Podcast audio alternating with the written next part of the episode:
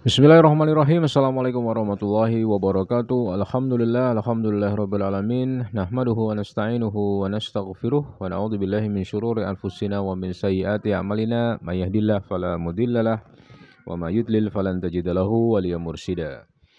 Asyhadu an la ilaha illallah wa asyhadu anna Muhammadan abduhu wa rasuluh la nabiyya wa la rasula ba'dah. Allahumma shalli ala Muhammad wa ala alihi wa ashabihi ajma'in wa man tabi'ahum bi ihsanin ila yaumidin. Alhamdulillah, alhamdulillah rabbil alamin, saudaraku semua remaja yang dimulakan Allah Subhanahu wa taala, kita bisa bersua kembali dalam kondisi sehat walafiat. Tidak kurang suatu apa di hari Sabtu pagi ini, mudah-mudahan Allah Subhanahu wa taala limpahkan banyak keberkahan kepada kita semua, memudahkan urusan-urusan kita dan memberikan jalan keluar dari setiap persoalan-persoalan yang kita hadapi.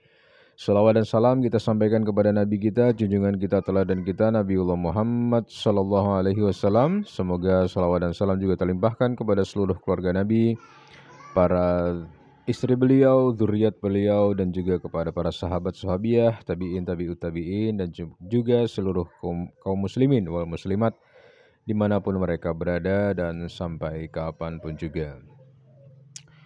Remaja dimulakan Allah, kalau kita berpikir tentang dakwah, maka sebenarnya kita sedang berpikir tentang bagaimana melakukan pendekatan-pendekatan terhadap matku atau bagaimana melakukan pendekatan-pendekatan terhadap objek dakwah kita.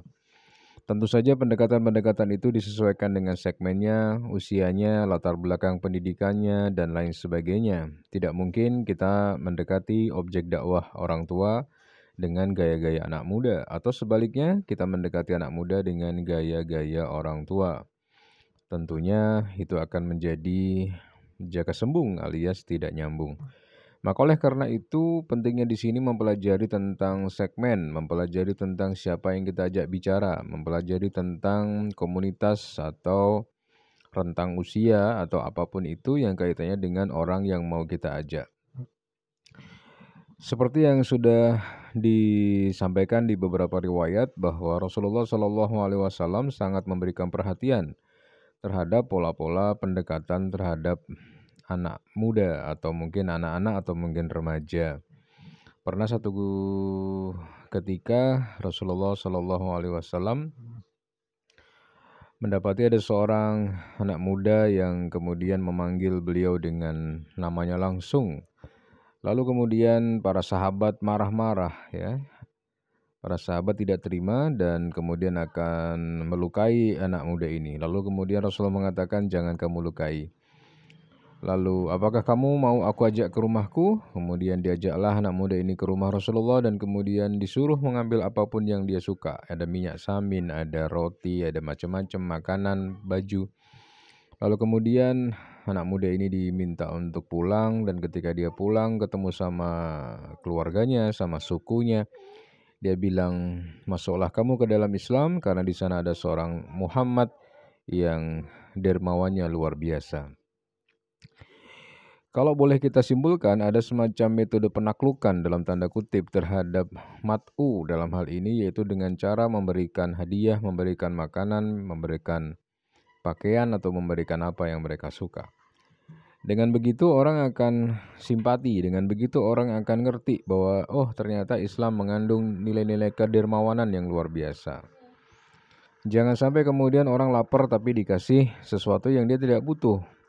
Akhirnya tidak tersentuh apa-apa yang bisa masuk ke dalam pikirannya. Kita mendakwai orang yang lapar berbeda dengan mendakwai orang yang kenyang. Maka oleh karena itu, teman-teman ketika kita pengen terjun ke masyarakat, apalagi ke anak-anak muda, cobalah memakai metode-metode ini ya. Metode penaklukan dalam tanda kutip ya, ditaklukkan dulu sisi-sisi mereka, bikin agar mereka itu semakin trust sama kita, percaya kepada kita. Karena kalau udah percaya, sudah ada trust, maka akan lebih mudah bagi kita untuk mengarahkan mereka. Tentunya hal ini tidak dalam waktu singkat ya, tetapi dalam waktu yang cukup lama kita menyematkan perasaan suka kepada dakwah mereka agar mau berkontribusi terhadap Islam, maka kita cari sisi-sisi yang bisa menaklukkan diri mereka. Dengan begitu nanti akan ada semacam kepercayaan kepada kita. Lalu ketika terjadi kepercayaan maka mereka akan mau melakukan apa pun, bertanya sama kita dulu. Ya, Mas, aku mau begini, Mas, aku mau begini, Mas. Aku mau melakukan ini, bagaimana menurut Anda? Mbak, aku mau melakukan ini, bagaimana menurut Anda? Kita dijadikan rujukan bagi dia untuk bertanya, ya, dimintai jawaban atas segala masalah yang dihadapi. Nah, makanya kalau mau dakwah remaja harus mau ribet, ya. Karena kalau nggak mau ribet ya jangan dakwah. Karena dakwah ini penuh dengan keribetan-keribetan yang kita sengaja. Kita harus mampu ngomong, harus mampu merawat, harus mampu memelihara dengan cara kita.